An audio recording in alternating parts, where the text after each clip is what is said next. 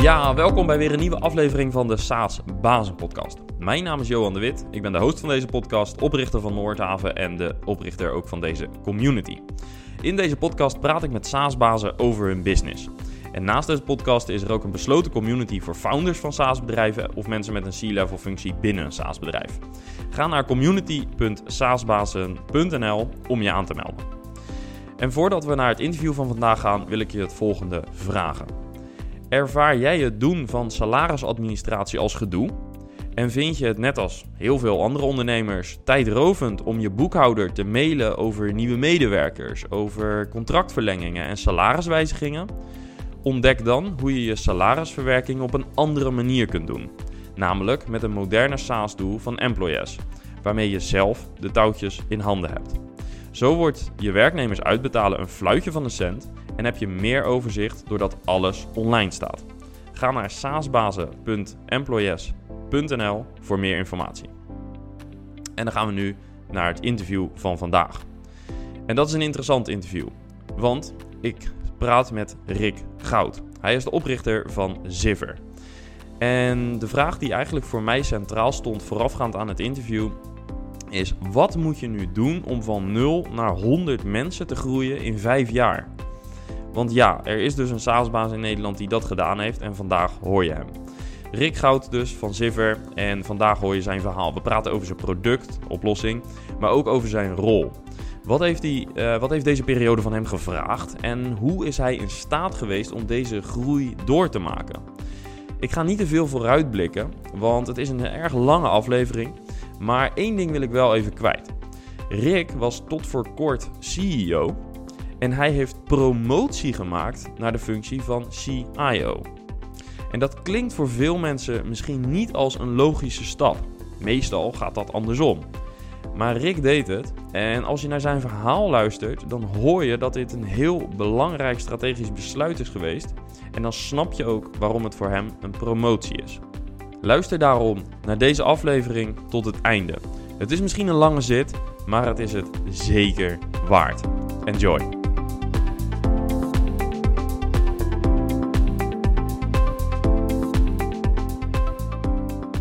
Yes, Rick. Van harte welkom in de SaaS Bazen podcast. Dank, dank. Uh, heel erg bedankt dat je hier tijd voor wil maken, want ik kan me voorstellen dat je druk genoeg bent uh, met uh, alles wat er speelt binnen jullie bedrijven en wereld. Um, om voor de luisteraar af te trappen, zou je kort willen vertellen wie je bent en wat je doet? Ja, ik ben dus Rick Goud, een van de oprichters van Ziver. En um, wij zijn dus een, een bedrijf die organisaties helpt veilig te communiceren en data te beschermen. En dat doen we nu vijf en een half jaar. Daarvoor um, ben ik uit de consultie gekomen en heb ik promotieonderzoek gedaan. Maar uh, nu sinds vijf en half jaar uh, SaaS-baas, zoals jullie het noemen. ja, zeker weten. Helemaal goed. En um, even over je, je achtergrond, want uh, je hebt nu eigenlijk een, dus een SaaS-bedrijf. Ja. Je kwam uit de consultie-rol, zeg maar. Wat was je affiniteit met software? Ja, um, ik ging een heel klein stukje verder terug. Ik wilde altijd arts worden, maar in Nederland hebben we een interessant systeem dat je moet loten. In ieder geval toen in mijn tijd, klink ik heel oud, maar moest je echt loten. Ik had nummer 4700 en het jaar daarna nummer 3800, terwijl er maar 1800 mensen geneeskunde, uh, geneeskunde konden studeren toen. Uh, maar vond toen een andere studie in die heette medische informatiekunde. Dat was in de UvA in het AMC. Helft geneeskunde, helft informatica.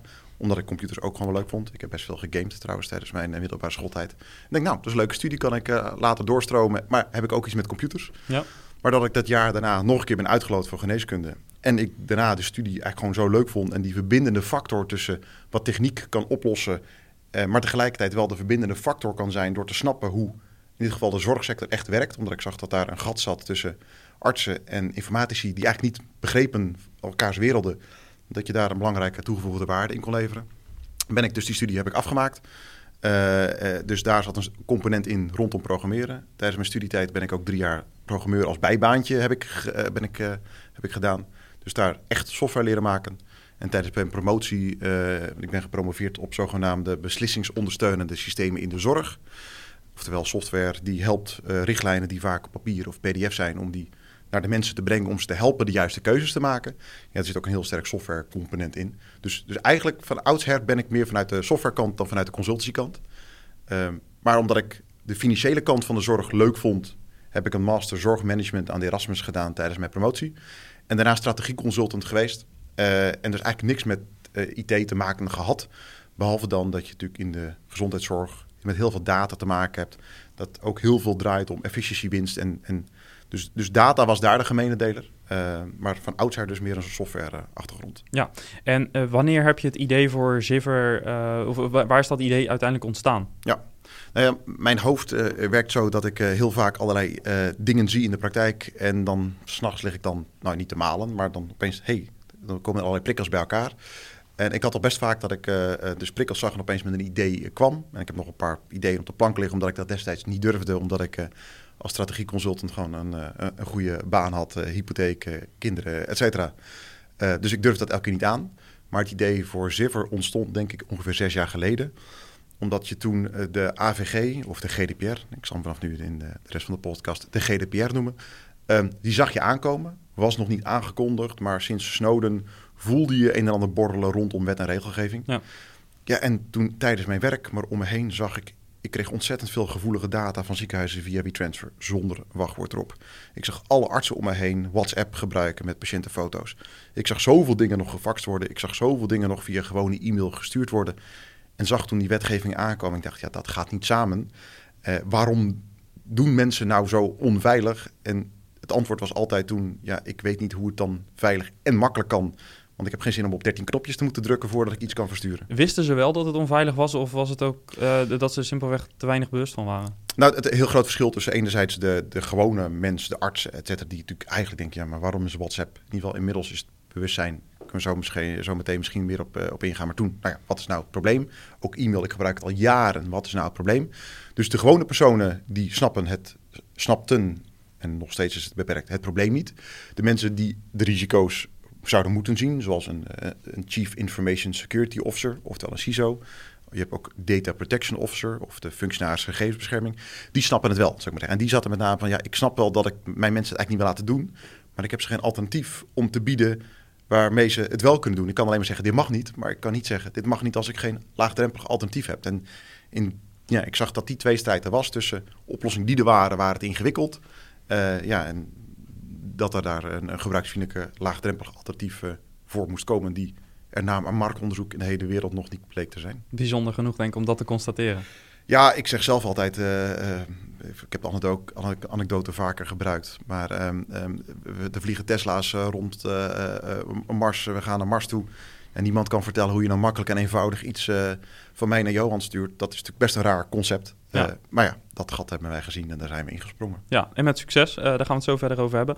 Um, je gaf aan, er zijn misschien wel wat alternatieven. Dus misschien die Data Protection Officer, of welke rol die nou, die kon misschien wel met een alternatief komen, maar die waren niet gebruiksvriendelijk genoeg. Uh, jullie oplossing gaat er met name rondom gebruiksvriendelijkheid. Ja. Wat maakt het verschil? Waarom is het van jullie wel gebruiksvriendelijk en de alternatieven niet? Ja, nou om misschien eerst even gewoon zo'n alternatief te noemen. En dan hebben mensen gelijk er een, een gevoel bij. Hè? Kijk, je hebt heel ingewikkelde dingen als S-MIME en PGP. Ik zal de luisteraars niet te veel vermoeien met de techniek. Alleen het nadeel van die technologieën is dat je aan beide kanten van de lijn allebei iets moet doen en iets moet installeren. Dus enerzijds je hebt een afhankelijkheid van. Hetzelfde even als WhatsApp. Hè. Ik kan alleen met jou WhatsApp en als je ook WhatsApp hebt. Terwijl juist, ja, als je begint, je gaat communiceren, je weet niet of iedereen het heeft en je kan niet van iedereen verlangen dat ze dezelfde software gebruiken. Dus heel veel zijn technisch een beetje ingewikkeld. Uh, en vereist dat de andere kant het ook heeft. Dus van zorginstelling naar zorginstelling zou in theorie nog kunnen. Maar dat is al niet handig. Maar van zorginstelling naar patiënt gaat al überhaupt niet. Precies. Hè? Kijk, als je een vaste communicatiepartner hebt, dan zijn daar technisch best veel dingen voor te regelen. Maar ja, communiceren doe je juist met iedereen. Uh, zeker als je een zorginstelling bent, een gemeente bent, een advocaat bent, een accountant bent. Er zijn niet vijf vaste communicatiepartners. Je hebt duizenden mensen met wie je communiceert. Dus dat is enerzijds. En tegelijkertijd kwam ik uh, de afgelopen weken nog bij een grote accountant. Ik zal de naam niet noemen. Maar die nog steeds als beleid heeft van ja, als we gevoelige documenten sturen, zip dat dan eerst. Zet er een wachtwoordje op uh, en sms dan het wachtwoord maar naar de ontvanger via een los sms'je. Ja, je snapt dat dat voor uh, mensen die dat één keer per jaar moeten doen misschien nog wel te doen is. Maar als jij tientallen berichten per dag moet gaan zitten versturen, dan uh, gaan mensen dat echt niet doen. Nee, volgens mij trouwens, een zipje sturen is volgens mij per e-mail niet overal handig. Van, in verband met, uh, nee, dat wordt tegen, ja precies. Nee, daarom hoor. Dus, dus, praktisch is het misschien ook al niet nee, eens. Uh, nee. Voor de ontvanger niet. Nee. En, nou, goed, dat is inderdaad een mooi voorbeeld denk ik van een probleem wat jullie oplossen. Um, kun je aangeven um, zeg maar, wat de eerste stappen zijn geweest toen je op dat, dit idee kwam? dat is ongeveer zes jaar geleden zeg. Jullie zijn vijf, vijf jaar geleden, 2015, ook daadwerkelijk gestart heb ik gezien. Mm -hmm. um, hoe heeft die eerste fase eruit gezien? Ja, nou, het, concept was eigenlijk begonnen met, uh, we noemen het toen veilig data delen. En dat, volgens mij heb ik de URL nog steeds. En op een gegeven moment is het concept zeer geworden. Maar het was dus het idee van, oké, we willen dus organisaties helpen de veilig data te delen. En dat gaat om zowel e-mail als grote bestanden. Uh, en toen was eigenlijk grote bestanden was misschien nog eerder de, de start van de insteek. Omdat je, je zag, WeTransfer was ontzettend succesvol. En is nog steeds een topplatform. Maar voor sommige type informatie wil je gewoon daar meer regie over hebben. Dus daarom heet het ook data delen. Maar toen je dus de ronde deed rondom ziekenhuis, want ik was strategieconsultant, dus ik was al wel gewend omdat je gewoon een goede pitch deck maakt, dat je je propositie uitlegt, waarmee je zonder een product te hebben gewoon wel de propositie uh, goed kan uitleggen. En in de eerste weken, maanden kwam ik er al snel achter dat ja, het, het is niet alleen de data, het gaat over communiceren in brede zin. En als je dan kijkt naar wat de use case, noem ik het altijd, is die mensen het meest gebruikte, is e-mail wordt honderd keer meer gebruikt dan een bestand te delen, zou ik maar even zeggen. Dus toen hebben we al snel gezegd, oké, maar eigenlijk moeten we de e-mail centraal stellen, want dat, die, er worden per dag 300 miljard e-mailtjes verstuurd door 4 miljard gebruikers. Ja, dat is het probleem dat we moeten oplossen. En er gingen best wat bedrijven over het veilig data delen. Hè. Dan denken we aan Dropbox en uh, Google Drive en nou ja, WeTransfer, et cetera, over de veiligheid. Maar er zaten veel mensen op de propositie van de data delen. Tot de propositie van mensen helpen veilig te e-mailen. Daar zat eigenlijk helemaal niemand. En ik kwam erachter dat daar niemand zat. Of er zaten wel genoeg mensen, zou ik maar zeggen. Maar dat waren allemaal technology-oriented bedrijven die waren gestart vanuit het protocol e-mail. En vanuit de technische SNTP of dat soort precies, zaken. Precies, ja. Terwijl als je vanuit die protocollen begint, en dat zijn jaren 70 protocollen, niet gebouwd voor veiligheid en flexibiliteit, dan loop je vast. En daarom, dat was wat de meeste oplossing eigenlijk beperkte en ongebruiksvriendelijk maakte, is omdat ze gestart waren vanuit de protocollen. En jullie moesten starten vanuit de gebruiker, vanuit de use case, zeg maar. Wat betekent het om een bestand te mailen naar een derde waar gevoelige informatie in zit? Precies, het probleem centraal stellen en dan flexibel genoeg zijn om te snappen hoe techniek dat probleem zou kunnen helpen oplossen. En dat is misschien af en toe de, nog steeds de voortekst, hè, dat als ik het over e-mail heb, dan afhankelijk van het publiek moet je het uitleggen. Dus misschien anekdotisch. Ik zat uh, uh, pas geleden nog bij een grote Nederlandse bank zat ik met uh, acht mensen in, in de zaal. Uh, vier techneuten, zou ik maar zeggen, en vier gebruiksvertegenwoordigers. En die vier techneuten die zeiden eigenlijk van... ik, we willen eigenlijk geen e-mail hebben, want voor ons is dat niet veilig genoeg. Dat is niet helemaal waar, maar laten we even uh, dat niet op ingaan. Het tweede gedeelte is, de gebruiksvertegenwoordigers die zeiden... Rick, wij willen e-mail hebben, want dat is wat mijn mensen elke dag gebruiken. En toen kon ik tegen die vier techneuten zeggen: Maak je niet druk, we doen geen e-mail. En ik kon tegen die vier gebruiksvertegenwoordigers zeggen: Maak je niet druk, we doen e-mail. Want die eerste had over de protocollen en die tweede hadden het over de gebruikservaring. Ja. En dat is precies wat we oplossen. Ik zeg altijd: als iemand zegt dat hij veilig wil e-mailen, bedoelt hij echt niet dat hij een veilig protocol wilt. Dan bedoelt hij dat hij wil communiceren vanuit een tool die hij of zij dagelijks gebruikt en associeert met wat hij of zij e-mail noemt: Outlook, Gmail. Ja, maar de techniek interesseert natuurlijk geen piep. Nee. En dat is precies wat we doen. We vermommen ons e-mail om het businessprobleem op te lossen, zonder afhankelijk te zijn van de techniek en de daarbij behorende beperkingen. Ja, dus het, eigenlijk in je messaging heb je wat moeten sleutelen, maar uiteindelijk de, eh, de manier hoe je het oplost is voor iedereen dus hetzelfde. Ja. Um, nu is het zo, op het moment dat je natuurlijk een, een uh, in feite een nieuw product in de markt gaat zetten of iets waar men nog niet aan gewend is, dan uh, moeten gebruikers gaan wennen aan uh, andere gebruikerservaring, andere interface, andere software. dat is bij jullie dus niet zo, want je kunt dus vanuit je Outlook blijven mailen als je dat graag wil. Ja. hoe ziet dat er dan technisch uit? Ja, nou, de, de, heel goede vraag. Even een klein stukje terug. Ik zeg altijd, als je het gedrag van mensen wilt veranderen, of als je, nou, als je veilig wil communiceren, moet je altijd drie pijlers centraal stellen. Eén, veiligheid. Klinkt logisch maar is de standaard vertegenwoordigd. Vroeger natuurlijk nog niet, maar tegenwoordig moet je daar gewoon mee beginnen. Het tweede is eenvoud. Het moet herkenbaar zijn, het moet intuïtief zijn, et cetera. En het derde, en dat uh, zien mensen vaak over het hoofd, maar noemen wij symbiotisch. Oftewel, het moet integreren met de dingen die mensen al gebruiken. Want het gedrag veranderen van mensen is gewoon verreweg het ingewikkeldste wat er is. Ja. Dus ik zeg altijd vanuit uh, een technisch oogpunt denk ik dat wij veel meer op Slack lijken dan op e-mail bijvoorbeeld. Alleen, we hebben gewoon expliciet besloten om onszelf te vermommen als e-mail, zodat mensen hun gedrag niet hoeven te veranderen. En dat doe je dus met integraties in die e-mail clients. En voor Outlook is dat dus een zogenaamde plugin. In, uh, in Gmail is dat een zogenaamde Chrome extension. In Office 365 is dat een add-in. Nou, de terminologie is allemaal gewoon een laagje toevoegen, integreren in de tools. Uh, en ook integreren in de interface. Dus geen pop-ups, geen aparte technologie. Gewoon eigenlijk in het scherm waarin mensen werken, zorgen dat je waarde toevoegt. Ja. En ze daar helpen de juiste keuzes te maken op allerlei verschillende vlakken. Zodat ze inderdaad hun gedrag niet of nauwelijks hoeven te veranderen. Uh, ja, en je daarmee een veel hogere en snellere adoptie krijgt dan met andere oplossingen die uh, wel een context switch vereisen. Ja, en daarmee heb je dus eigenlijk vrienden gemaakt met de gebruiker. Uh, hoe hebben jullie dat bij die uh, IT, IT'er opgelost, die propositie? Je gaf al aan, daar hebben we eigenlijk tegen gezegd van maak je niet druk, gaat niet om het protocol, gaan we niks veranderen. Mm -hmm. maar zij moeten wel misschien, zij moeten wel die add-ons gaan faciliteren. En hoe ziet dat eruit in zo'n organisatie? Ja, nou, dus als je kijkt naar degene die, die, die als we naar een, een, een buyer-proces gaan, kijk eens maar zeggen, dan, dan is het voor ons altijd belangrijk om een aantal stakeholders aan tafel te krijgen.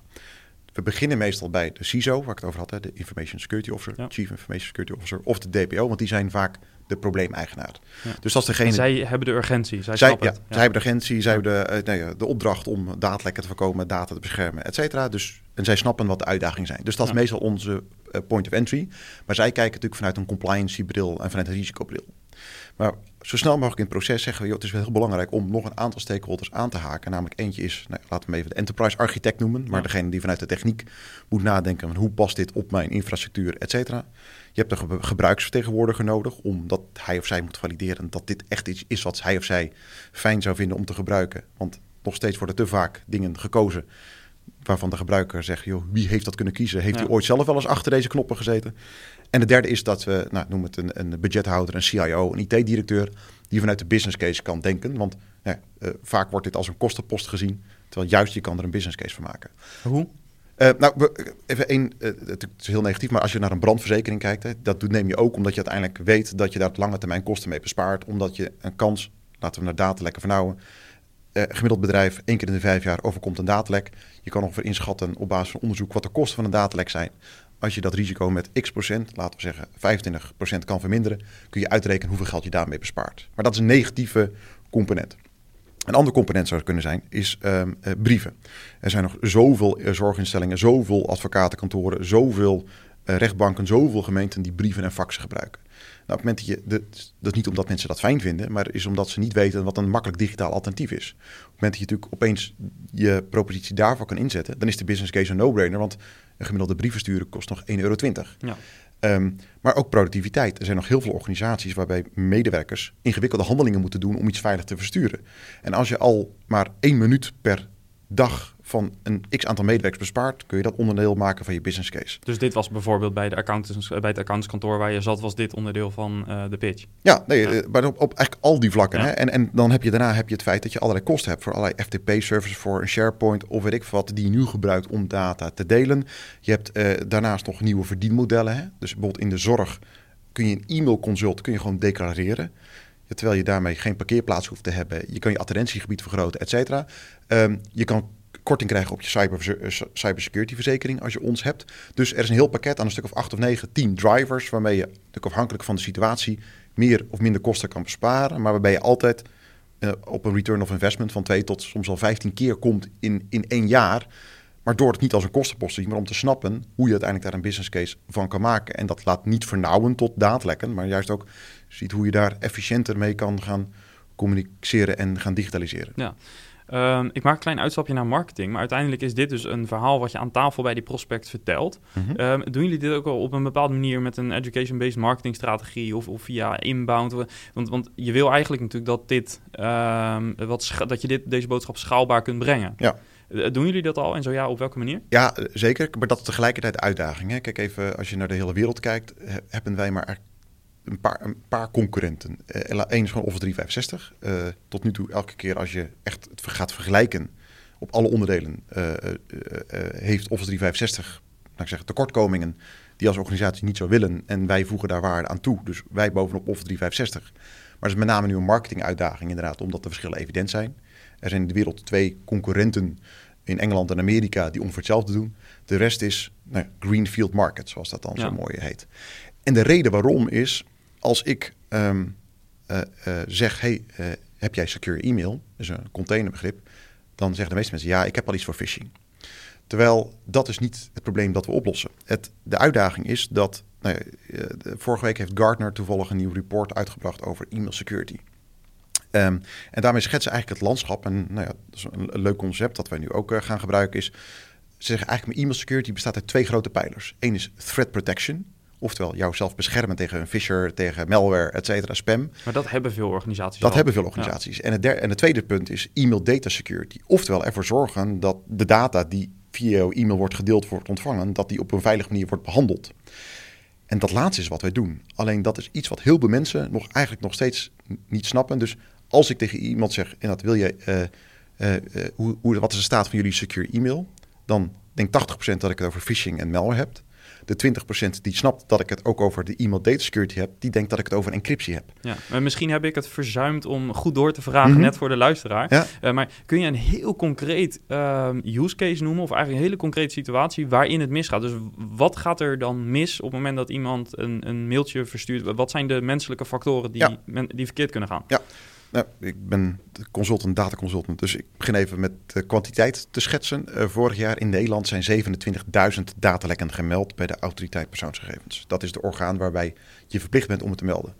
Misschien voor de luisteraars, Nederland is het land in de wereld met verreweg de meest gemelde datalekken. De nummer twee is Duitsland, die hadden dat geloof ik vorig jaar 14.000. Uh, België had er bijvoorbeeld 900. Wij dus 27.000. Melden wij het braver of gaat er hier meer mee? Precies. Wij hebben uiteraard niet meer datalekken. We hebben een betere meldcultuur. Okay, precies. Okay. Want even voor de luisteraars. Wij hadden voor de GDPR al de wet meldplicht datalekken. Wat ze in de neem twee jaar eerder. Dus wij waren al bezig de structuren op te zetten om te melden. En er zijn ook strak op qua cultuur dat nou ja, falen mag. Je mag dat rapporteren, et cetera. Um, maar dat heeft als voordeel dat je dus inzicht kan krijgen in wat de echte oorzaken van datalekken zijn. Want als je naar de 900 Belgische datalekken kijkt, dan kijk je naar ruis, want je weet niet precies. Er zit een heel sterke selectiebias in. Terwijl 27.000, nou, dan heb je echt de volume om naar te ja. kijken. Van die 27.000 datalekken die vorig jaar zijn gemeld, hè, dan heb ik dus niet over e-mail, maar echt gewoon helemaal, werd 95% veroorzaakt door een menselijke fout. Maar 3% werd veroorzaakt door hacking, malware en phishing. De meeste mensen denken Hm. dat is het risico, ja. maar 3%. Nogmaals, je moet het natuurlijk doen, hè? Maar daar begin je uitdaging pas als organisatie. Bij die 95% ontstond bijna 90% door communicatie. Dat het fout ging op het moment dat je informatie ging delen. Er zit nog een deel bij dat een brief gewoon naar de verkeerde persoon verstuurd was. Hè? Ja. Maar het grootste gedeelte, 67% van die uh, 27.000 datalekken, werd veroorzaakt doordat iets aan de verkeerde persoon werd verstuurd. Oftewel een e-mailtje aan de verkeerde Johan met gevoelige informatie. Oftewel een bijlage verstuurd waar in tabblad 2 nog allemaal BSN-nummers zaten waar je niet bewust van was. Of een grote GGZ-instelling in Nederland die vorig jaar uh, een nieuw psychiatrisch behandelprotocol had. En dat wilde delen met al hun patiënten. Dus een top idee. Alleen ze hadden al die patiënten in de CC gezet in plaats van in de BCC. Oei, pijnlijk. Zodat iedereen opeens wist wie die ziekte had. Een zwakke wachtwoorden, et cetera. Oftewel allemaal dat soort menselijke fouten. Um, is iets wat uiteindelijk natuurlijk, als ik het noem, iedereen herkent. Ja, het is iedereen wel eens een keer gebeurd. Maar dat is dus hetgene waar wij ons op focussen. Maar niet alleen daarop. Uh, dat is even de menselijke uh, fouten die vaak voor het verzenden ontstaat. En waar iedereen nu wel gevoel bij heeft. Maar wat de meeste mensen ook niet beseffen is wat er tijdens het verzenden gebeurt. Daar wil je natuurlijk ook niet dat er iemand anders bij kan. Terwijl als je nu naar uh, pakketten als, als van Microsoft kijkt of van, van Google... of ik kan elke willekeurige grote e-mailpartij noemen in de wereld... uiteraard gebruiken die encryptie. Maar de uitdaging met encryptie tegenwoordig is niet encryptie, maar het is key management. Wie heeft toegang tot je sleutels? Ik kan nog steeds een heel groot duur slot op mijn deur zetten, maar op het moment dat ik de sleutel onder mijn voordeur heb liggen, eh, onder mijn mat heb liggen, ja, dan heb ik geen probleem opgelost. En al die partijen die ik net noemde, die hebben altijd nog je sleutels. Uh, en dat maakt niet uit als je dat niet super relevant vindt, maar je moet je niet bewust zijn van het feit dat dat een risico vormt. Uh, en bijvoorbeeld sinds de Twitter-hack van een paar weken geleden, uiteraard Twitter encrypte de data ook wel heel erg goed. Alleen de meeste leveranciers, zoals Twitter en zoals die andere partijen die noemde, zijn voor hun dienstverlening afhankelijk van het feit dat zij een kopie of zo van jouw sleutels ook nog op hun infrastructuur hebben. Om medewerkers daar toegang toe, toe te kunnen geven. Om dingen om klanten te kunnen helpen. Zo, ja. ja. om klanten te kunnen helpen, inderdaad. Maar dat zorgt ervoor dat je dus vulnerable bent voor. Nee, ik gooi er af en toe wat Engelse termen erheen. Voor insider threats, voor uh, interne dreigingen van medewerkers, bewust of onbewust. Ja. Maar dat maakt je ook aantrekkelijk voor hackers. Want dat is dus blijkbaar de plek. Als je die sleutel hebt, kun je bij heel veel data. Dus dat wil je het liefst ook niet hebben. Dat doen wij ook. Wij ja. hebben onderweg dus je sleutels. Wij hebben dus nooit kunnen garanderen dat uh, uh, wij die sleutels niet hebben en dus niemand bij die data kan. Ook niet als een overheidsorganisatie komt aankloppen van uh, wij willen jullie data. Ja, is het encrypted blob waar je 800 jaar per bestandje met de huidige stand van technologie aan moet rekenen om één berichtje te kunnen decrypten. Ehm, en dan heb je ook nog het, de fase na het verzenden. En dat klinkt misschien ook wel logisch, hè, maar ehm, als ik iets naar jou stuur, nou, stel ik ben een arts en ik stuur jou een patiëntendossier via e-mail, dan heb ik als verzender de, de taak, de verplichting vanuit de GDPR om zeker te weten dat Johan de enige is die hem kan openen. Ehm, maar hoe doe je dat met e-mail? Want als ik op de verzendknop gedrukt heb, is het aan de andere kant. Ik weet helemaal niet zeker wie er nou echt bij kan. Er zit geen authenticatie op. Terwijl bij je bank moet je dat doen, bij je ziekenhuisportaal moet je ja, dat doen. two-factor authentication. Ja, two-factor authentication. Ja, maar dat, dat, op een of andere manier is dat in mensen een ander hoofdje. Hey, bij e-mail is dat niet. Ja, maar dat wil niet zeggen dat je het niet zou moeten doen. En dat doen wij ook. Wij zorgen ervoor dat we zeker weten dat de ontvanger ontvanger is. Out of the box twee-factor authenticatie. We staan het ook toe dat mensen berichten terugtrekken. Als je fout gemaakt hebt, kun je terugtrekken en laten we zien of het ook al gelezen is, ja of nee. En bijvoorbeeld, dat kan bij e-mail helemaal niet. Als je verzenden hebt gedrukt, is het weg. Je hebt geen idee wat ermee gebeurt. En soms in de Outlook kun je er wel op terugtrekken drukken. Alleen je weet dan niet of het gelukt is en je weet niet of het iemand gelezen is. Oftewel, je hebt geen idee. Dus je weet ook niet of je een datalek hebt. precies. En dat is eigenlijk, hè, en uiteindelijk al deze controls uh, voor, tijdens en na het verstuurde ontvanger. Wij voegen daar integraal waarde op toe en geven de organisatie de controls, de, de toeters en de bellen die nodig zijn om in regie te zijn en te weten wat de risico's zijn en de impact van daadlekken te kunnen vaststellen. En dat is wat de AVG vraagt, of de GDPR. Ja. Niet daadlekken voorkomen, ja, uiteraard het doel, maar dat kan je niet verplichten, want waar mensen werken worden fouten gemaakt. Maar, je moet het melden als het gebeurt. Je moet het melden als het gebeurt en je moet laten zien dat je alles binnen redelijk hebt gedaan om het te voorkomen en om een lerende organisatie te creëren. En wij geven organisaties die controls op alle vlakken van het communicatieproces. Dus uh, ja, heeft wel, wel twintig uh, elementen die in het communicatieproces tot een daadlek kunnen leiden. Wij proberen ze allemaal voor een organisatie op te lossen. Terwijl de meesten dus eigenlijk aan phishing dachten. En als ze al aan het de e-mail data security dachten dat ze het over encryptie hadden. Ja, en wij pakken het proces van het moment dat iemand het gaat opstellen tot het moment dat iemand het in ontvangst neemt. Daartussenin alle twintig elementen nemen wij. En daar zijn we eigenlijk tot nu de enige in, in de wereld die dat integrale proces uh, oppakken. Ja, ontzettend gaaf.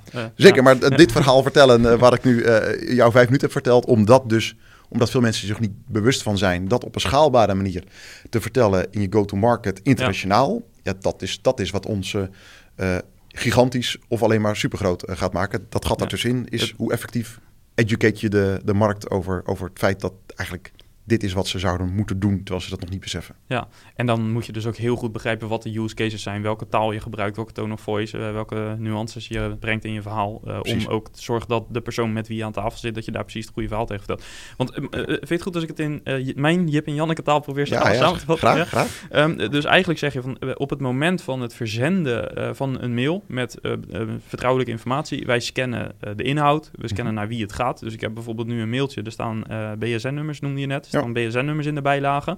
En die ga je verzenden naar een gebruiker waar je nog nooit mailcontact mee hebt gehad. Bijvoorbeeld, dat, kan dat een, een soort van trigger zijn voor jullie om te zeggen van weet je het wel zeker? Hoe werkt dat dan? Ik zal even de drie voor, of de vier voorbeelden uh, inderdaad even vertellen. Dus één is, dus precies zoals je zegt, we scannen inhoud en ontvangers. En inhoud is ook de bijlagen. Hè. Sommigen zeggen wij doen ook inhoud, maar dan doen ze alleen de titel van attachment. Ja, terwijl het gaat om de inhoud. De in, dus in die PDF kan een. Ja, in die PDF, in die PowerPoint, in die Excel, et cetera, in de Word document. Um, dus wat wij doen is we kijken wat verstuur je en wie verstuur je dat. Uh, en daarmee kunnen we eigenlijk een aantal dingen doen. Is we kunnen zeggen, hey, let op, in bijlage A, tabblad B zitten allemaal BSN-nummers. Weet je zeker dat je dat gaat doen? Het is zo gevoelig, jij moet je bewust zijn van het feit dat je op het punt staat zoiets gevoeligs te delen. En dan even heel praktisch, maar dan kun je nog niet op verzenden drukken. Nou, dat, als organisatie, hè, dus inderdaad één stapje terug, die, die business rules waar we het dan over hebben, wij hebben ze allemaal gemaakt. Uh, we, we, maken continu nieuwe op basis van feedback van organisaties.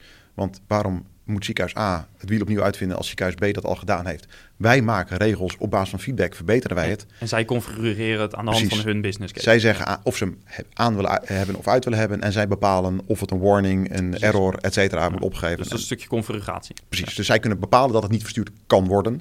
Uh, maar ik ben wel altijd van de school, uh, sta iemand het wel toe met een conformatie. Want anders gaan ze, als ze toch willen, het via de andere kant versturen via je eigen Gmail. En dan weet je helemaal niet wat er gebeurd is. Dus het beste staat toe, et cetera. Maar ja. dus uh, het, het, kan wel. Maar dus één is, van, weet je zeker dat je dit wil sturen, want het is heel gevoelig. Dus de awareness van iemand vergroten, dat hij met hele gevoelige informatie aan het werken is. Waar hij zich van bewust moet zijn dat hij het gaat delen. Ja. Want even, ook als je het veilig deelt en je stuurt BSN-nummers naar iemand die er geen recht op heeft, heb je nog steeds een datalek. Want het gaat niet om een transportbeveiliging. Mag jij het hebben, ja of nee? Nou, het antwoord is soms, soms nee. Het tweede is veiligheid. Dus op het moment uh, dat wij zeggen, hey, uh, ik ben vijf minuten later, dan hoeft het niet versleuteld. Maar juist op het moment dat het hele gevoelige juridische informatie is die je naar e-mail wil sturen, wil je zeker weten dat het beveiligd jouw muren verlaat met twee-factor authenticatie, sterke encryptie, et cetera. Dus wij helpen ook mensen de juiste veiligheid te selecteren, afhankelijk van de gevoeligheid van die informatie. En daar heb je een soort van templates voor dus. Ja, ja. je kan soortige veiligheidsniveaus daarbij ja. dan als organisatie ook definiëren die passen bij de klassificatie. Ja. Een beetje technisch. En het derde is dus ontvanger. Hè? Dus op het moment dat wij elke dag met elkaar uh, gevoelige financiële informatie delen, is dat normaal gedrag. Maar als jij dat opeens gaat doen met een RIK met wie je nog nooit eerder vergelijkbare informatie gedeeld hebt, is dat afwijkend gedrag. Ja. En dat signaleren wij. Maar de nuance die misschien goed is, hè, want jij noemde iemand met wie je nooit ge-mailed heeft, dat doen we natuurlijk ook. Maar de meeste data lijkt ontstaan doordat je iets naar iemand e-mailt met wie je al wel eerder hebt ge-mailed. Want daarom staat in je autocompletion, ja. in je adresboek. Dus het gaat om juist die nuance, dat je weet, hey, dit, soort, dit soort informatie heb ik nog nooit met deze Rick ge-mailed. Uh, want met die andere Rick heb ik een ander soort relatie. Dus dit probleem kun je alleen maar oplossen door eigenlijk een zogenaamde social graph aan te leggen. Van hey, met wie ben ik nou gewend wat voor soort informatie te delen? En afwijkend gedrag daarin te signaleren. En op die manier daar iemand over te informeren. Ja. En sommigen zeggen, dat lossen wij ook op, maar die geven dan de melding ja, let op, je gaat iets delen buiten die organisatie. Ja, dat, maar dat kun je aan een domein zien. Dat is niet zo heel Dat is mijn werk. Ja. Dat is mijn werk om uh, met de buitenwereld te communiceren. Dus het feit dat dat technisch natuurlijk ook niet zo'n hele grote uitdaging is. Nee, nee, nee. nee maar ja, zo, dat, en dat is de lastige qua propositie. Dat sommigen zeggen, ja, dat doen we ook. Ja, er zit een heel grote gat tussen ongewoon gedrag signaleren en zeggen, je doet iets buiten die organisatie. Hoe gaat dit trouwens in het begin? Want als ik uh, jullie software zou gaan gebruiken, dan in het begin kent hij die patronen nog niet. Nee. Um, hoe, uh, heeft hij gewoon een paar dagen, een paar weken, een bepaalde periode nodig? Of, of kunnen jullie al meteen bepaalde patronen inladen? Of? Ja, nou, we, we, beginnen het liefst met een, een schone lei. Want als je natuurlijk historisch gedrag, en dat kan natuurlijk, maar op het moment dat je dat als uitgangspunt zou nemen, dan dan gebruik je de fouten, zou ik maar zeggen, als startpunt. Hè? Dus we zeggen eigenlijk begin uh, opnieuw. En je kan als organisatie dan bepalen. We zeggen, je zet niet vanaf dag één de toeters en bellen aan. Maar gaat het langzaamaan opbouwen. Zodat je, zeg maar zeggen, pas na x dagen iemand gaat zeggen... hé, hey, dit heb je de afgelopen tijd niet eerder gedaan. Ja. Dus, dus daarin kun je uh, gaan faseren en groeien. Maar dat is dus alleen voor het stukje menselijke fout, hè, zou ik maar zeggen. Ja. Maar we dus een andere hele simpele regel. En nogmaals, is geen rocket science allemaal wat wij doen. Maar op het moment dat je meer dan uh, tien mensen in de, in de tool of de CC zet...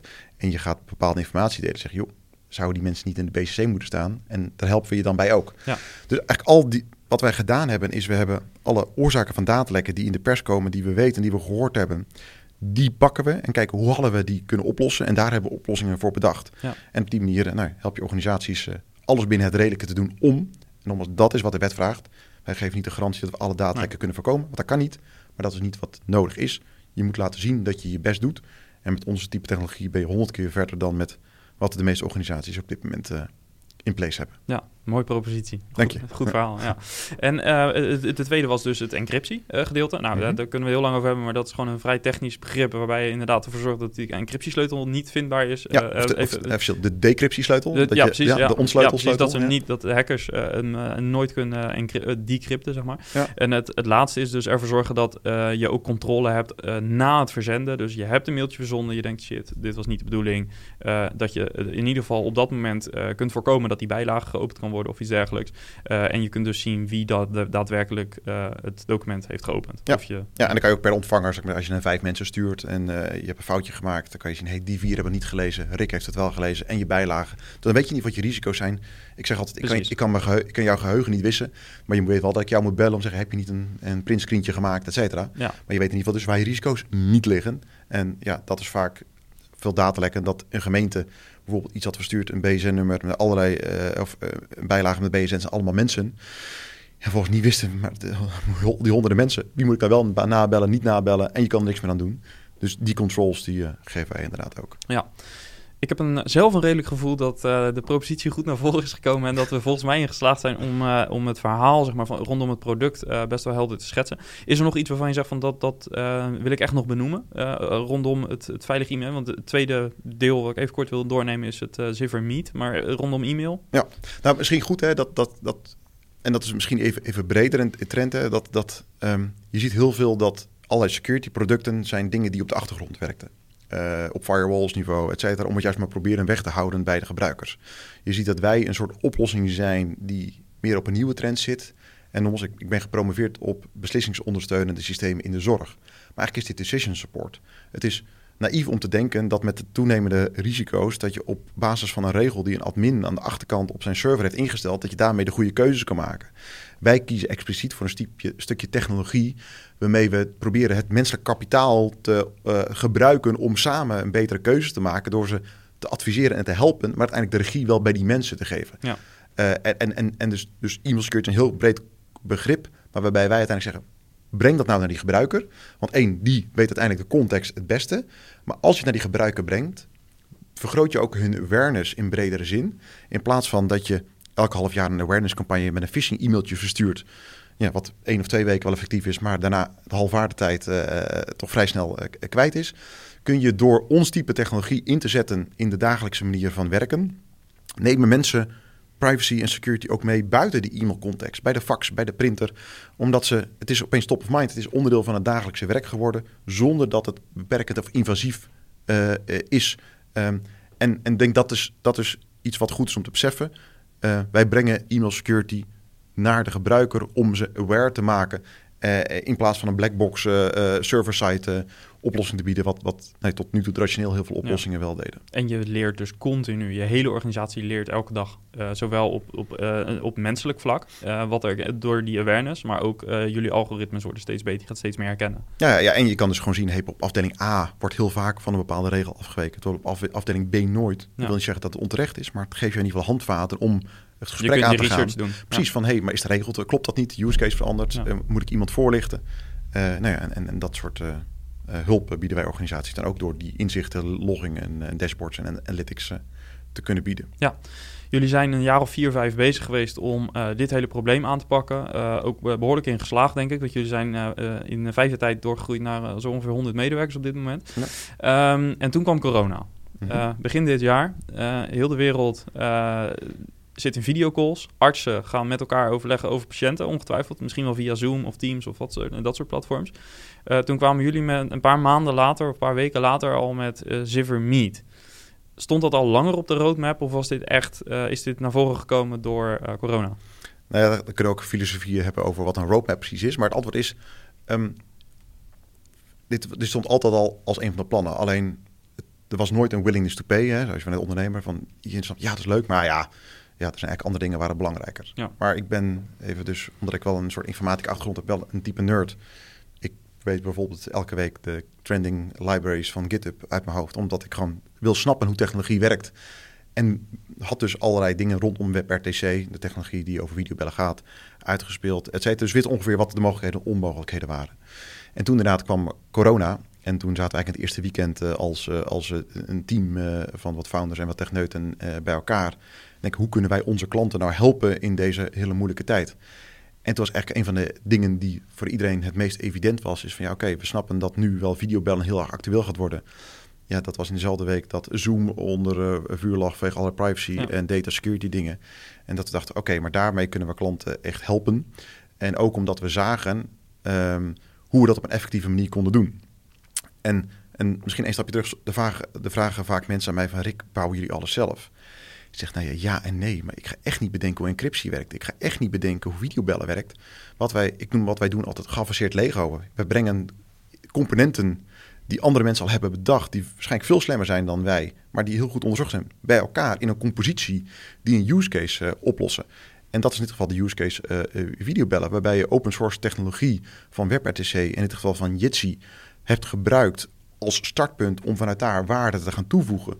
En de waarde die je daaraan kan toevoegen is bijvoorbeeld dat wij ervoor zorgen dat data echt helemaal conform AVG GDPR wordt behandeld, ISO gecertificeerd, et cetera. Dat er authenticatie omheen zit, dat je zeker weet dat die persoon die persoon is. Dat je, dat je dus eigenlijk ervoor zorgt dat je het als onderdeel van het platform kan inzetten met alle waarborgen die wij standaard ook al bieden, omdat eh, die authenticatie was al onderdeel van het Ziver platform.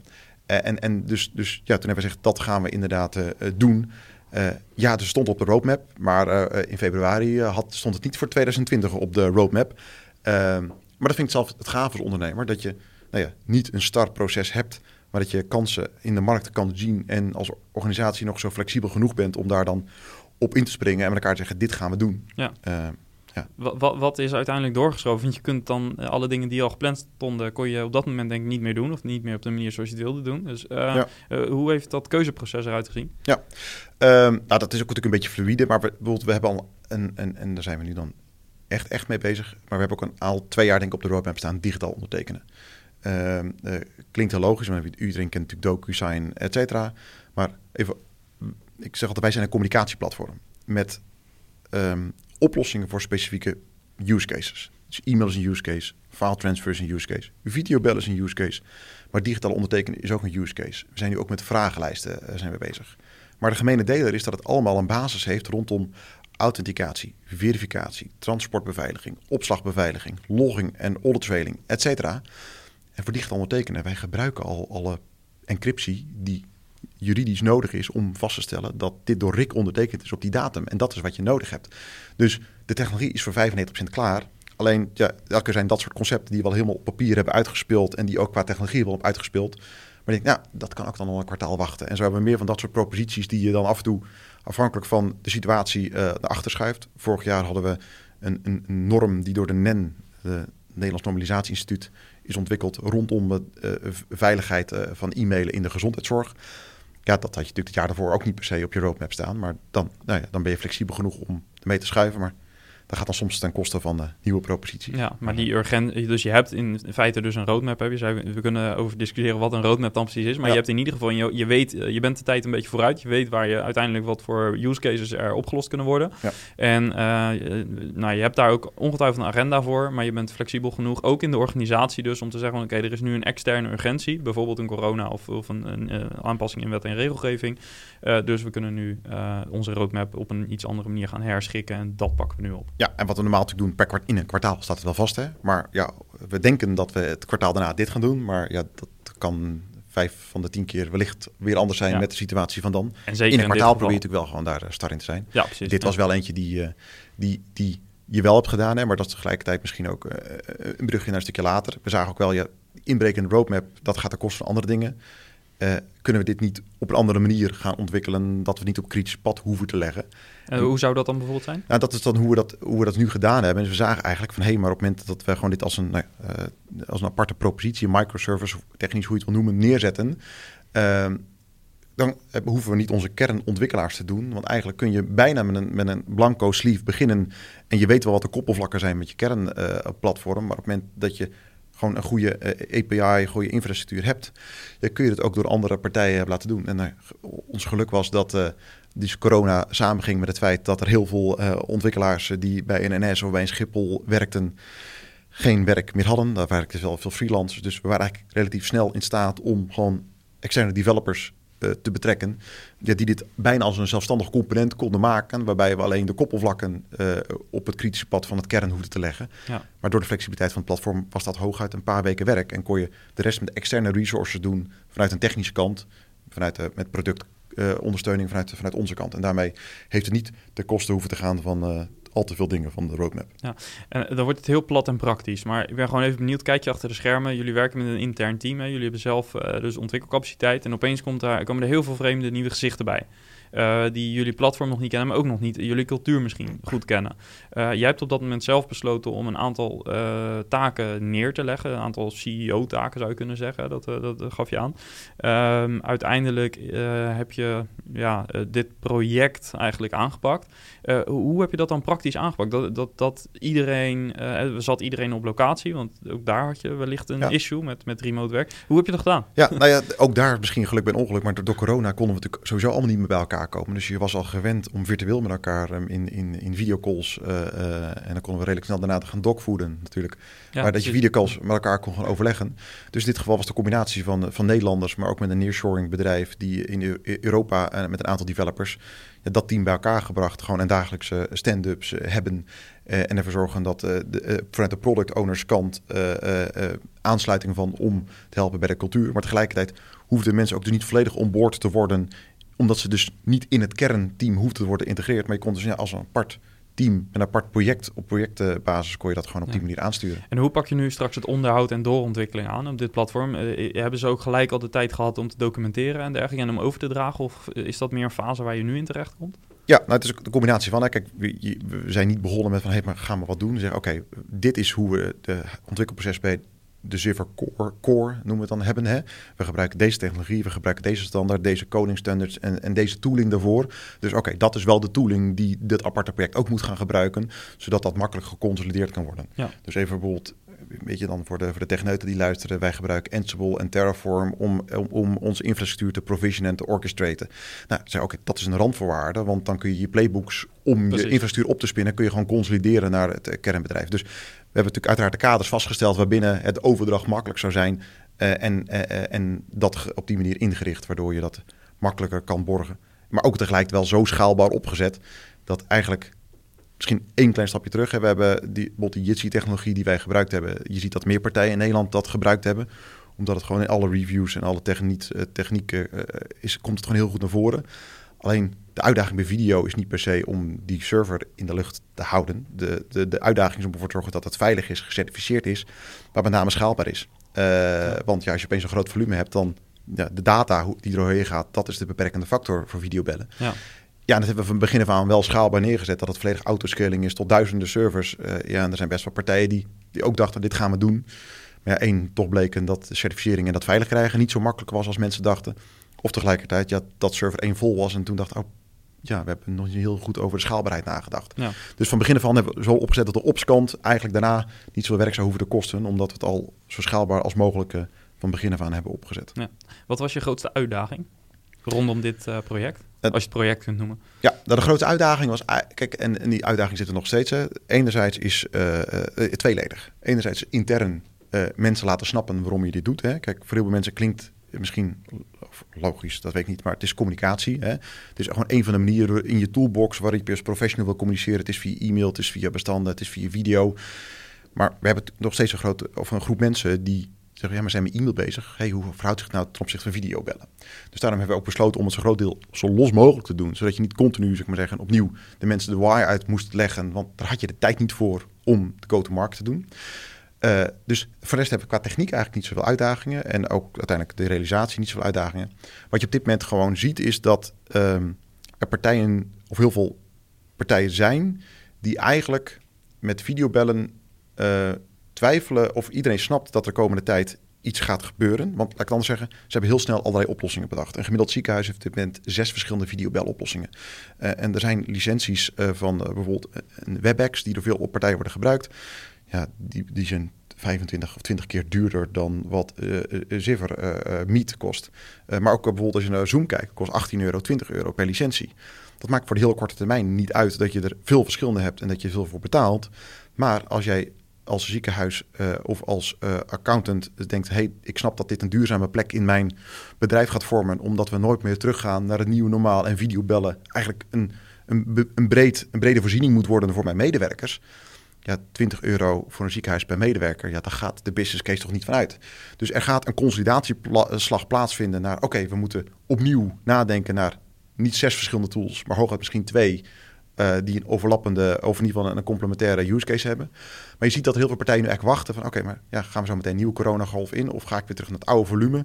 En dat ze dat een beetje tegenhoudt om... Die dus, dus de afwachtendheid in de markt. Ja, dus ja. Een, een, grote groep uh, ook niet. Maar je ziet een grote groep die inderdaad zegt... ja, oké, okay, maar ja, uh, ik wacht hem een half jaar af. En uh, bijna dat ze hopen dat Rutte zegt... jongens, we gaan nu allemaal video bellen... want dit wordt de nieuwe standaard. Is, is de, de interne visie over en misschien ook de moeiheid hè, van het ad hoc. Oké, okay, laten we nu even rusten nog een paar maanden, et cetera. Ja. Maar, en, dat, en dat merk je bij veel plekken, hoor, ook bij onderwijs. Uh, waar ik met collega uh, um, SAAS uh, bazen dan wel eens praat. Dat je ziet, hey, iedereen snapte dat het digitaal leren was even hot. Hebben ze allemaal wat, wat ge, ge, geknipt en geplakt en gelijmd. En iedereen snapt dat er een project moet komen om voor te zorgen dat er digitaal leren veel betere plek heeft. Maar even allemaal soort adempauze, et cetera. Dus dat is op dit moment denk ik de grootste uitdaging. Dat, en dat merk ik bij andere videobeloplossingen. Dat mensen snappen, het volume gaat naar beneden. Maar wat betekent dat nou voor de keuzes voor de korte en, en de lange termijn? Ja, helder. Um, mijn eh, doel is altijd om eh, in eh, ergens rond drie kwartier ongeveer te finishen. Maar we zitten nu al drie Oh, kwartier. ja. Dus daar ben ik niet helemaal in geslaagd. Eh, maar ja, het, het boeit me ontzettend, het verhaal. Ik vind het heel gaaf om te horen, zeg maar ook toch wel de techniek. Ik, ben, ik, ik heb zelf geen technische achtergrond, maar je moet een beetje nerd zijn om deze podcast te hosten. Mhm. Dus ik vind dat ja, eh, heel erg interessant. Maar ik wil toch ook vandaag een beetje over jouw rol hebben. Mhm. want dat is uiteindelijk ook wel een van de belangrijkste pijlers van de SaaS Bazen podcast. Ja. Eh, wie ben jij als SaaS-baas? Je hebt het bedrijf zelf opgericht. Ehm, vijf jaar geleden dus. Eh, nou, een behoorlijk eh, onstuimige periode denk ik meegemaakt. Dat vul ik even voor je in. Maar ik kan haast niet anders voorstellen dat van 0 naar 100 is best een behoorlijke route in vijf jaar. ik heb ik. regelmatig wakker gelegen. Dat kan ik me heel goed voorstellen. Ehm, eh, er zijn natuurlijk heel veel bedrijven opgericht in 2015. Maar er zijn er denk ik weinig die op dit moment zo'n groei hebben doorgemaakt. Jullie hebben ook groeigeld opgehaald. Eh, gaan, kortom, gaan heel erg hard. In Nederland flink voet aan de grond in de branches die je genoemd hebt. Ehm, ik ben altijd benieuwd eh, wat, eh, wie, wie heb jij moeten zijn of moeten worden om eh, die groei aan te kunnen, maar ook alle uitdagingen die daarbij horen. Ehm, en ehm, misschien nog wel interessanter, ik volg jou zelf al natuurlijk al een tijdje en ik zag een paar weken geleden op je LinkedIn profiel dat je promotie had gemaakt van CEO naar CIO. Ehm, daar zitten een aantal dingen in wat mij enorm triggert. Ehm, Mhm. Want eh, je hebt dus eh, het bedrijf opgericht, je hebt CEO-rol een aantal jaren ingevuld en nu eh, word je CIO. Ten eerste ben ik heel benieuwd waarom je dat hebt gedaan. Ehm, en wat, ja, wat moet deze stap jou gaan brengen, zeg maar. Dus kun je daar eens iets over vertellen? Waar is dat proces gestart dat je dacht van ik wil in een andere rol terechtkomen? En waarom deze rol? Ik denk dat het proces eigenlijk 4,5 jaar geleden al, al is begonnen. In zoverre dat, dat... Ik weet niet of veel ondernemers dat herkennen. Ik, ik, in ieder geval had het wel dat eh, toen ik eh, begon dacht van ja, het zal wel moeilijk zijn, maar hoe ingewikkeld kan ondernemen nou zijn? Nou, ik kwam er eigenlijk na 6, 7, 8 maanden toch wel achter dat ik dat onderschat had. Eh, in zoverre, ik, ik kwam er al snel achter dat je een stuk of 10 of 12 competenties nodig hebt om succesvol ondernemer te zijn. Dat heeft enerzijds, je moet de techniek snappen, want je moet weten hoe je een product maakt, maar je moet ook een bedrijf kunnen bouwen, je moet mensen kunnen aannemen, je moet een propositie kunnen vertellen, je moet het enthousiast kunnen brengen, je moet goede mensen kunnen aannemen, je moet de, de, de juridische structuur goed neerzetten. Eh oftewel, heel veel competenties. En ehm, ik durf van best van me te zeggen dat ik best wat van die competenties heb, maar ook best wat van die competenties heb ik er echt niet. En ik zag, ja, dat, dat heb je wel nodig om dat te zijn. Ik ben echt van, van eh, zien wat de problemen in de praktijk zijn, dat vertalen naar een oplossing en dan ook de kennis hebben om te snappen hoe dat technisch gerealiseerd kan worden, zodat je het ook schaalbaar, eh, et cetera, eh, neerzet. Dat is echt problemoplosser. Ja, echt probleemoplosser. Ehm, ehm, en ik zag dat ik dus bepaalde competenties niet had. Ik ben bijvoorbeeld iemand die het minder leuk vindt om met mensen over persoonlijke leerdoelstellingen en ontwikkelingen te hebben, omdat ik meer van de inhoud ben. Maar het is uiteraard wel een essentiële competentie. En dat zag ik al na, na zeven maanden, zag ik van oké, maar ik heb er misschien vijf of zes of zeven van de twaalf, maar lang niet allemaal. En ik had het geluk dus dat ik hier voor 6,5 jaar strategieconsultant eh, ben geweest. En daar had ik ontzettend eh, goed samengewerkt, ook 6,5 jaar met, met Wouter. Wouter Klinkhamer was echt destijds mijn baas. Hij is één jaar ouder, maar hij was weer medewerker nummer 4 of zo. En ik was eh 8, 9. Ehm, en we hebben heel veel projecten gedaan en die waren altijd ontzettend succesvol. En dat was omdat we enerzijds precies hetzelfde dachten, maar tegelijkertijd complementair waren. Dus ik heb een eh, medische informatiekundige achtergrond, eh, meer technisch eh, en innovatief. Wouter heeft bedrijfskunde, heeft een juridische achtergrond. En dus wist dat we complementair waren. En dus na acht, negen maanden of zo had ik Wouter al een paar keer gevraagd... joh, vind je het niet leuk? Hij zat tien jaar bij Gupta, eh, het consultiebedrijf. En vind je het niet leuk om? Nou, in het begin was de, eer- de pitch de eerste keer nog niet zo goed, denk ik. Maar na vier of vijf keer pitchen dacht nou, ik ga die uitdaging toch aan. En dat is eigenlijk al het begin geweest, omdat ik gewoon weet en wist dat Wouter een betere leider was. Of in ieder geval de, de, de skills heeft die nodig zijn om uiteindelijk mensen aan te sturen. En ik meer ben van de inhoud. Alleen, nou ja, dat één, dat doe je natuurlijk niet van begin af aan. Tegelijkertijd ben je met elkaar druk bezig. Wouter hebben en ik hebben elkaar altijd als co-CEO gezien. We dachten hetzelfde. Ehm, alleen, je merkt het de afgelopen tijd een aantal dingen. Eén, dat als je met 100 mensen wordt, dat als je het bedrijf laat groeien, je steeds meer moet overlaten aan andere mensen die mensen aansturen en veel meer over de cultuur, de processen eh, eh, gaan nadenken. En, en dat is iets wat mij, merkte ik, energie kostte in plaats van opleverde. Ook omdat het je afleiden van het product. Ja, ja en nogmaals, hè, kijk, iedereen moet wel eens dingen doen die hem energie kost. Maar ja, uiteindelijk is, hoop ik voor iedereen dat ze werk vinden waarbij ze dingen doen waarbij het grootste gedeelte van het werk ze energie opleverde. Ja. Zeg je ook dat de balans daarmee te veel naar iets ging waar je minder eh, thuis voelde? Ja, voor, voor mij wel. En tegelijkertijd zag ik daarvoor dat uiteindelijk de, de ideeën die we hebben met Ziver, want we zijn hier niet om veilig e-mail te doen, we zijn hier om een veilig communicatieplatform te worden met die organisaties helpt efficiënt te communiceren en allerlei businessproblemen oplossen. Ja, dat, doordat ik daar te weinig tijd voor had, dat dat er niet van kwam. Dus enerzijds zag ik dat dat, dat veel tijd kostte en dat dat niet per se energie opleverde, maar dat ik snapte dat het waardevol was. Uh, ten tweede zag ik dat uh, mensen af en toe worstelden met... hé, hey, maar wie is nou dan de CEO? Is dat nou Rick? Officieel wel, maar Wouter die heeft ook heel goede mening over dingen.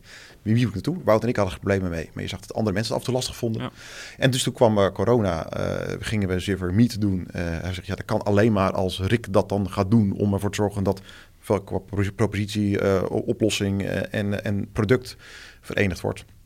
was een natuurlijk moment om de wat echte tussen CEO-taken over te dragen aan Wouter. En die periode was eigenlijk voor iedereen zo goed bevallen dat ik uh, kon doen waar ik echt veel energie van kreeg. Het voor de organisatie goed was om duidelijk te zijn: oké, maar nou is degene, Wouter, moet ik dit aanvragen? Ja, dat dit voor iedereen de, de goede keuze was, omdat ja, om, uh, uh, de, waar we Wouter vier jaar geleden voor in positie hebben gebracht, beter leider te zijn, dat hij dat nu officieel kon doen, dat dat voor organisatie goed was. en voor mij persoonlijk dus ook goed was, omdat ik ja, echt met allerlei gave nieuwe projecten bezig ben. Uh, ja, zoals ik vertelde, we zijn nu echt met digitaal ondertekenen bezig, omdat ik dus nu tijd daarvoor kan vrijmaken. Om dat ook te helpen aansturen met een aantal mensen. We zijn nu bezig met vragenlijsten. Dus dingen waar mensen nu SurveyMonkey, uh, Typeform, et cetera voor gebruiken. Om ervoor te zorgen dat dat ook vanuit ons platform kan worden verstuurd. Maar dan wel met de authenticatie en die verificatie, et cetera, die je nodig hebt als professioneel bedrijf.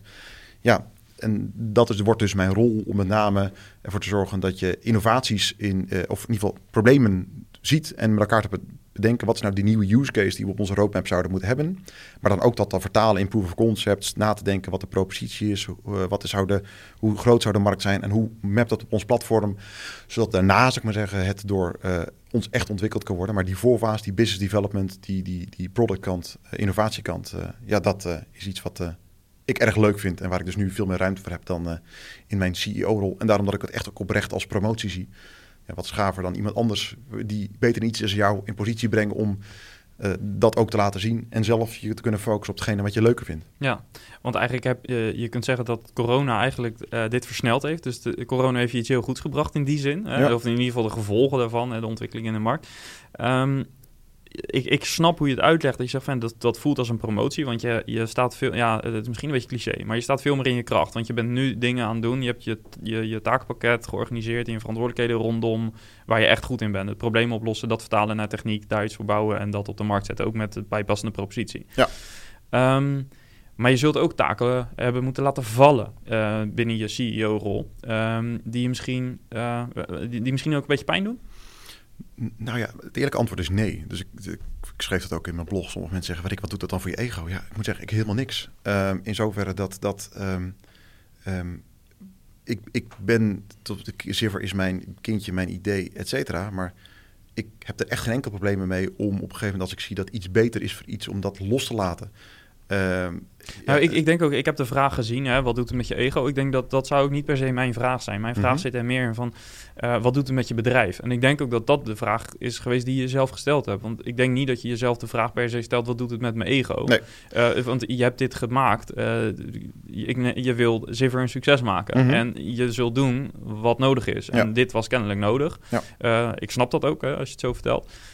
maar er kunnen dingen zijn misschien in je vorige rol... of je zegt van, ja, dat is toch een beetje vervelend dat ik dat moet loslaten. Want het was wel een van de dingen waar ik ook wel energie uit haalde. Of wat is het echt? Uh, nou, het grootste gedeelte wel, maar kijk, af en toe gaan er natuurlijk gewoon dingen gebeuren die uh, ik vanuit mijn rol als CEO niet iets over hoef te vinden. En dat je af en toe hoort, denk oh, is dat besloten? Nou, helemaal prima. En dan is dat niet dat ik dat negatief vind, hè, maar denk, nou, ik had het wel leuk gevonden, maar tegelijkertijd snap ik al, ja, ik kan niet alles doen. Dat is precies juist het mooie van dat je dat de mensen overlaat. Ja. Dus wat ik, nou lastig is niet het goede woord, hè, maar af en toe wel is dat je gewend was alles te weten wat uiteindelijk niet tot detail, maar ongeveer wat de kaders zijn, is dat je nou ziet dat je op sommige dingen niet meer betrokken wordt of hoeft te worden, omdat dat meer aan de operations kant zit, et cetera. Met bepaalde mensen, met bepaalde type mensen hiren, met bepaalde vacatures uitzetten, met keuzes voor, voor ja, samenwerking met bepaalde partners. Precies. En, en, als ik het zo van de buitenkant zie, zou ik denk ik iets eerder mezelf uh, zorgen maken is misschien een groot woord, maar ik zou denk meer bezig zijn met de vraag: uh, ga ik niet wat grip verliezen hier en daar over besluiten? Uh, je bent nog steeds founder en ik denk niet dat je staat niet buitenspel natuurlijk. Um, je zit in de C-level, maar kan me voorstellen dat je soms zoiets hebt van eh, de ego, dat ja, eh, maakt niet zoveel uit, het gaat om het bedrijf. Maar dat je wel zegt van ja, ik verlies hier en daar wat grip over bepaalde processen of bepaalde dingen die ik eh, eh, ja, die wel super belangrijk zijn, waar ik wel mening over heb. Ja, dat, grip is niet het gevoel. De mening zeker wel hoor. Maar dat tegelijkertijd ook van ja, ik werk al meer dan tien jaar dus met Wouter samen. Ja. En weet gewoon dat hij hetzelfde denkt voor ik, meer dan 90%. En als er iets is waar hij over twijfelt, dat dit mij echt consulteert. Dus het is meer af en toe denk ik, hey, dat had ik leuk vinden om te weten. Niet omdat ik het gevoel heb dat er niet een goede keuze gemaakt wordt, maar omdat mijn hoofd gewoon een soort spons is die het leuk vindt om heel veel informatie te hebben. Ja. Eh, tegelijkertijd, dus grip ben ik niet bang voor, omdat ik tegelijkertijd wel zo eigenwijs, eh strontvervelend uh, vind. Heel veel mensen vindt dat als ik iets niet snap, ja, dan interesseert me niet zo heel veel hoe de lijnen lopen. Dan ga ik echt wel uitzoeken Ja. hoe het zit. Want mijn hoofd heeft gewoon die detailinformatie nodig. Ja. En dat is te- tegelijkertijd, sommige mensen noemen mij een micromanager. Terwijl ik zeg, ja, ik vind mezelf geen micromanager. Ik ben wel iemand die het belangrijk vindt dat dingen goed gebeuren. En op het moment dat ik met mensen samenwerk waarvan ik zeker weet dat het goed gebeurt, ja, dan kan het soms zijn dat ik twee weken niks vraag. Ook niet goed. Maar zeggen, maar ik, ja, ik weet wel dat hij of zij naar mij toe komt op het moment dat er iets is waar ik wat van moet vinden. En tot die tijd weet ik dat in control is. Ja. Als mijn ge- sommige dingen niet helemaal goed gaan, ja, dan ga ik wel op die, eh, op die eh controlestoel zitten. Dus grip verliezen ben ik niet zo bang voor, omdat ik nogmaals dan eigenwijs genoeg ben. Tegelijkertijd mensen snappen dat ik waarde kan toevoegen door echt in dingen te duiken en het wil snappen. Het is meer soms dat je denkt, hé, hey, ah ja, dat is dus even iets wat buiten mij langs gegaan is. Maar ik denk, ja, dat heb ik leuk gevonden. Maar tegelijk het realisme dat dat ja, straks. Met 200, met 1000 sowieso niet meer kan. Is dat iets wat ook wel bij de fase van het bedrijf hoort. Ja, nou, en je hebt er gigantisch veel voor teruggekregen als ik het nu al hoor. Ja. ja. Eh, dit, dit is wel interessant omdat ik, ehm, ik heb natuurlijk je uitleg gelezen, eh, maar ik heb ook even gegoogeld op ehm from eh, CEO to CIO. Mhm. En ik weet niet of je het zelf ook Nee, gedaan nee, hebt. nee, nee. Ik ben benieuwd wat Eh, eruit kwam. wat je Ja. krijgt op de eerste pagina, eh, althans ik, dat zal misschien voor sommige mensen iets anders zijn, maar wat ik eh, kreeg, ik kreeg tien resultaten uiteraard, eh, waarvan er negen gingen over precies andersom. Dus Mhm. van CIO to CEO, eigenlijk Mhm. wat je misschien ook een beetje verwacht. Mhm.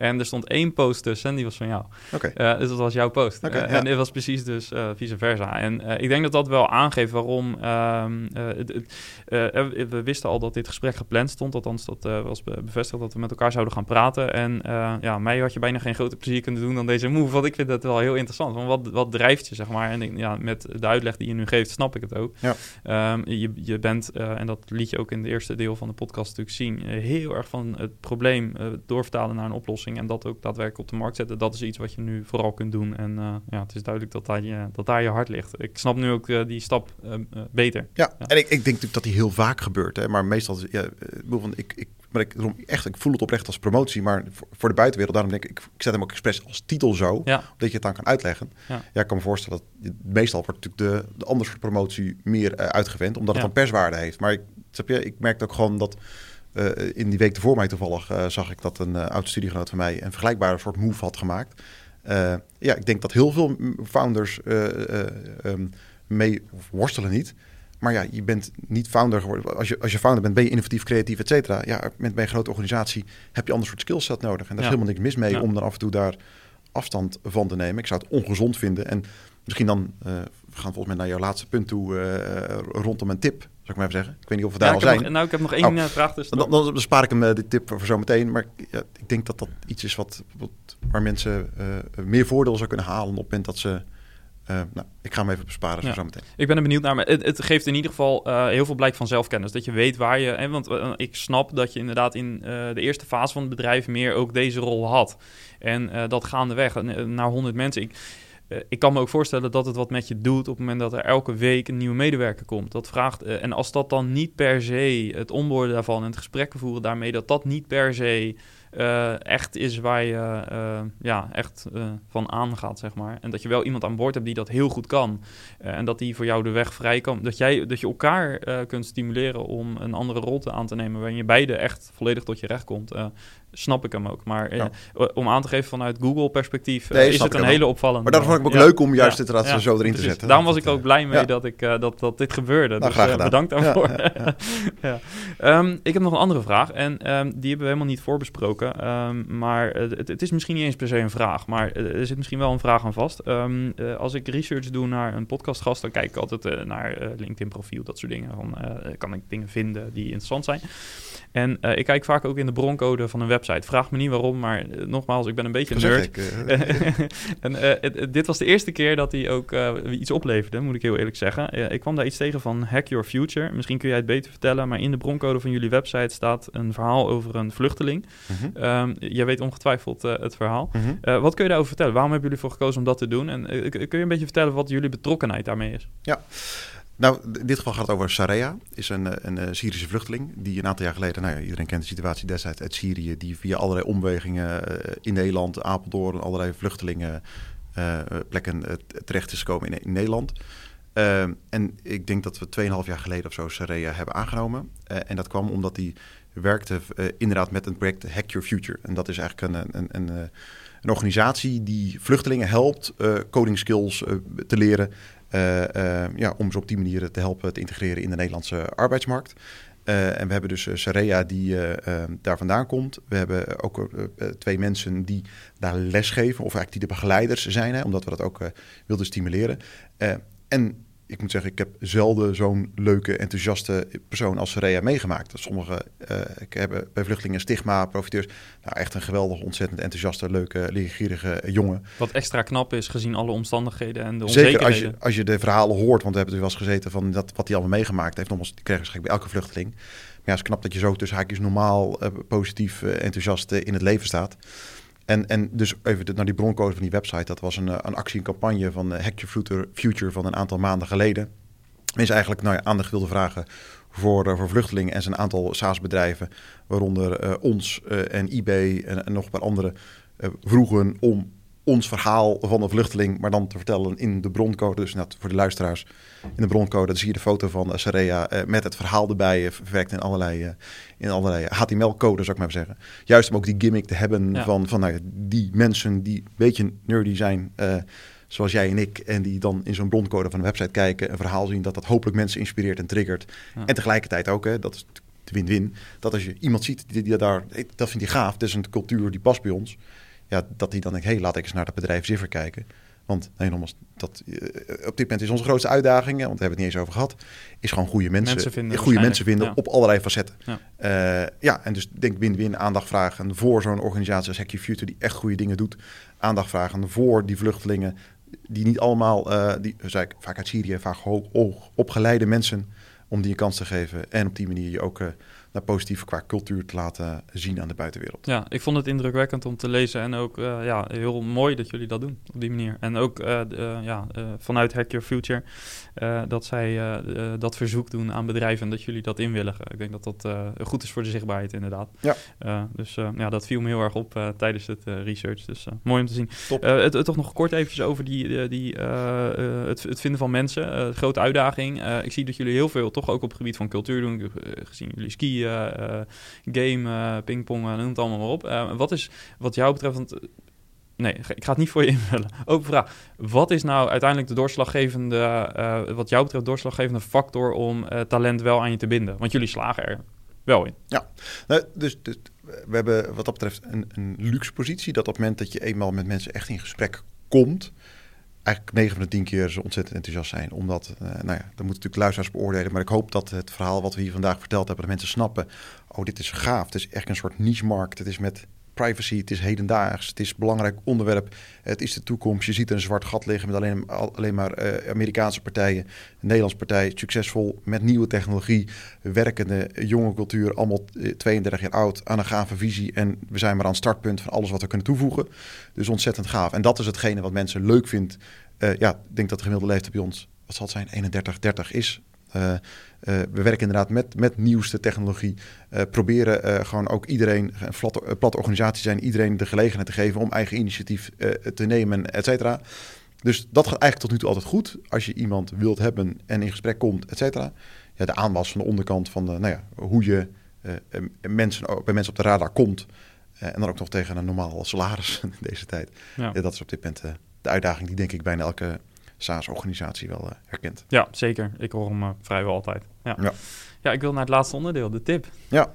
ja, dus die had al een beetje te maken met wat, jij, eh, wat je eerder zei... en ook mijn verhaal van, van, van, uh, van, van, waarom ik Wouter gevraagd had.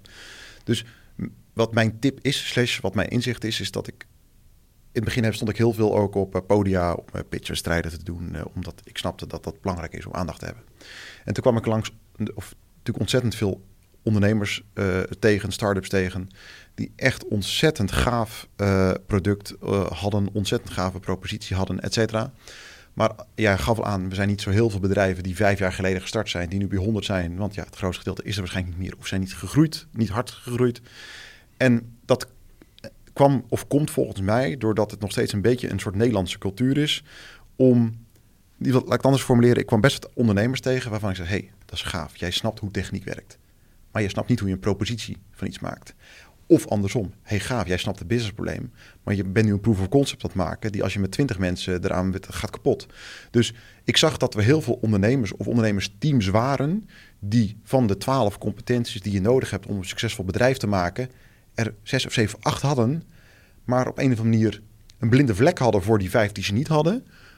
En sommige mensen hadden die blinde vlek niet, maar voelden het dan als iets falen om dan iemand erbij te moeten halen.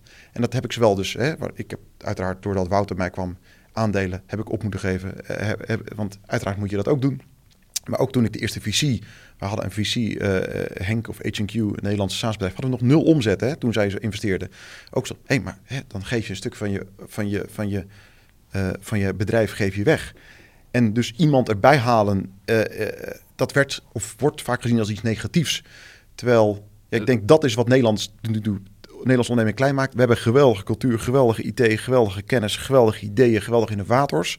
Alleen mensen zien het nog steeds als falen op het moment dat je iemand bij je kernteam en het hoeft niet één persoon te zijn, hè, maar dat je een team vormt met alle competenties, met een visie of een andere directeur. En dat zou mijn tip zijn. Probeer als je nou een bedrijf hebt kritisch open te staan voor heb ik alle competenties aan boord die nodig zijn om een succesvol bedrijf te maken. En zie het alsjeblieft niet als falen, want het gaat om uiteindelijk om dat je met elkaar de taart groter maakt. Niet om hoe groot jouw stukje relatief is van de taart, maar het gaat om de oppervlakte. En ja, ik zeg als je niet kan delen, kan je ook niet vermenigvuldigen. Dus mijn tip, kijk alsjeblieft goed of je echt de skillset in je founding of je management team hebt om een succesvol bedrijf te worden. Zo niet, fix dat zo snel als mogelijk. Want anders ga je na één of twee jaar tegen de, de, de, de, de randen en de grenzen van of de techniek of de propositie aanlopen. En dat is zonde met zulke geweldige ideeën, ondernemers, et cetera. Maar beperkt door het te kleine denken, het niet, het vinden dat je het zelf moet oplossen, oplossen moet, moet bootstrappen. Uh, en het organisch moet doen in plaats van het uh, proberen wat groter uh, neer te zetten. Ja, dus ook groter denken. Ja. ja. Um, je triggert me weer. uh, je hebt het aantal, je hebt dit nu natuurlijk een aantal keer gezegd, hè? ook bij het beschrijven van je eigen transitie van uh, CEO naar CIO.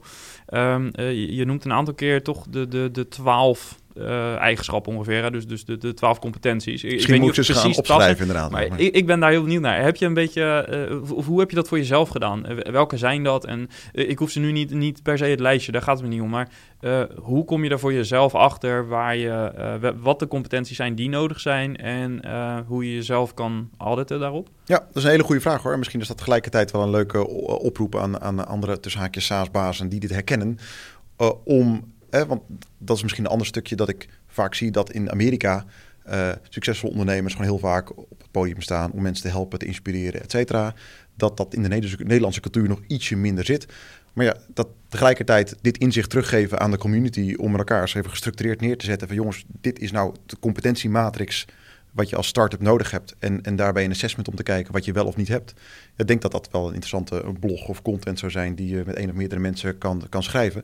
Maar ik denk dat die dus het meest zit op het feit dat mensen denken techniek te snappen, eh, maar techniek zodanig ingewikkeld is dat als je niet echt een technisch persoon in je founding team hebt zitten, dat een, door, een, door een, bedrijfje een, een, een, product in elkaar laat zetten wat jij denkt dat doet, wat het doet, helemaal prima is, maar je dan echt na een pilot of een proof of concept echt uh, uh, op je nek gaat.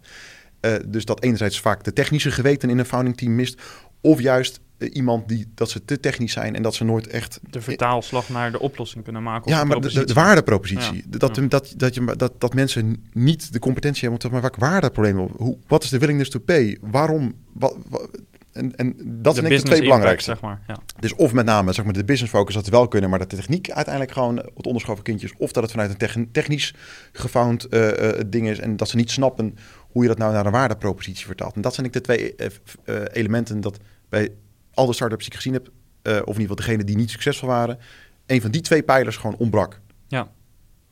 Wat is je laatst gelezen boek? Oh, ik moet zeggen, ik ben ontzettend niet van het boeken lezen. Ik ben ontzettend van het blogs lezen. ik ben degene die eigenlijk elke dag tussen Medium en GitHub, et cetera, leest. Ehm, dus boeken lezen is iets wat ik, wat ik eigenlijk heel veel minder doe. maar wat ik, ehm, de, de Lean Startup is eentje, en helaas, die ik of gelukkig, die ik al een paar keer heb eh, moeten lezen. Omdat elke keer als je weer zo'n... Uh, wij hebben een zogenaamde quarterly als uh, Ziver. Dat betekent elk kwartaal met als team bij elkaar komen, et cetera. En dat je dan toch elke keer in de nieuwe fase van je bedrijf staat... en dan opnieuw die uitdagingen die dan vanuit de theorie beschreven zijn... dat je die even weer probeert op te frissen om nou ja, dat te vertalen... in wat dat dan praktisch voor de organisatie betekent. Dus die, die bijbel, zou ik maar zeggen, pak er af en toe bij om de theorie ook weer te, te, te relateren aan de praktijk. Ja, nou, die naam hoor ik uiteraard uh, veel voorbij komen. Ja. Uh, ja, ik wil je ontzettend bedanken uh, voor alles wat je hebt verteld uh, over het product, over jullie oplossing, maar ook het, het, laatste deel, alles over jouw rol. ik denk inspirerend voor mensen en ik denk dat sowieso een mooie discussie op gang, zijn ge, of op gang hebben gebracht rondom de 12 competenties. Of het er straks 12 zijn of 13 of 11, dat maakt allemaal niet zoveel uit, denk ik. Maar het is zeker iets waar we, denk ik, iets mee kunnen gaan doen. ben je bereid om daarover mee te denken? Zeker, leuk. Leuk, dan gaan we dat zeker doen. bedankt ook daarvoor. En ja, ik hou uiteraard alles wat met Zipper te maken heeft ja, in de gaten. Top, jij ook bedankt. Vond het een leuke uitzending. Yes, niet gelijk. Dankjewel.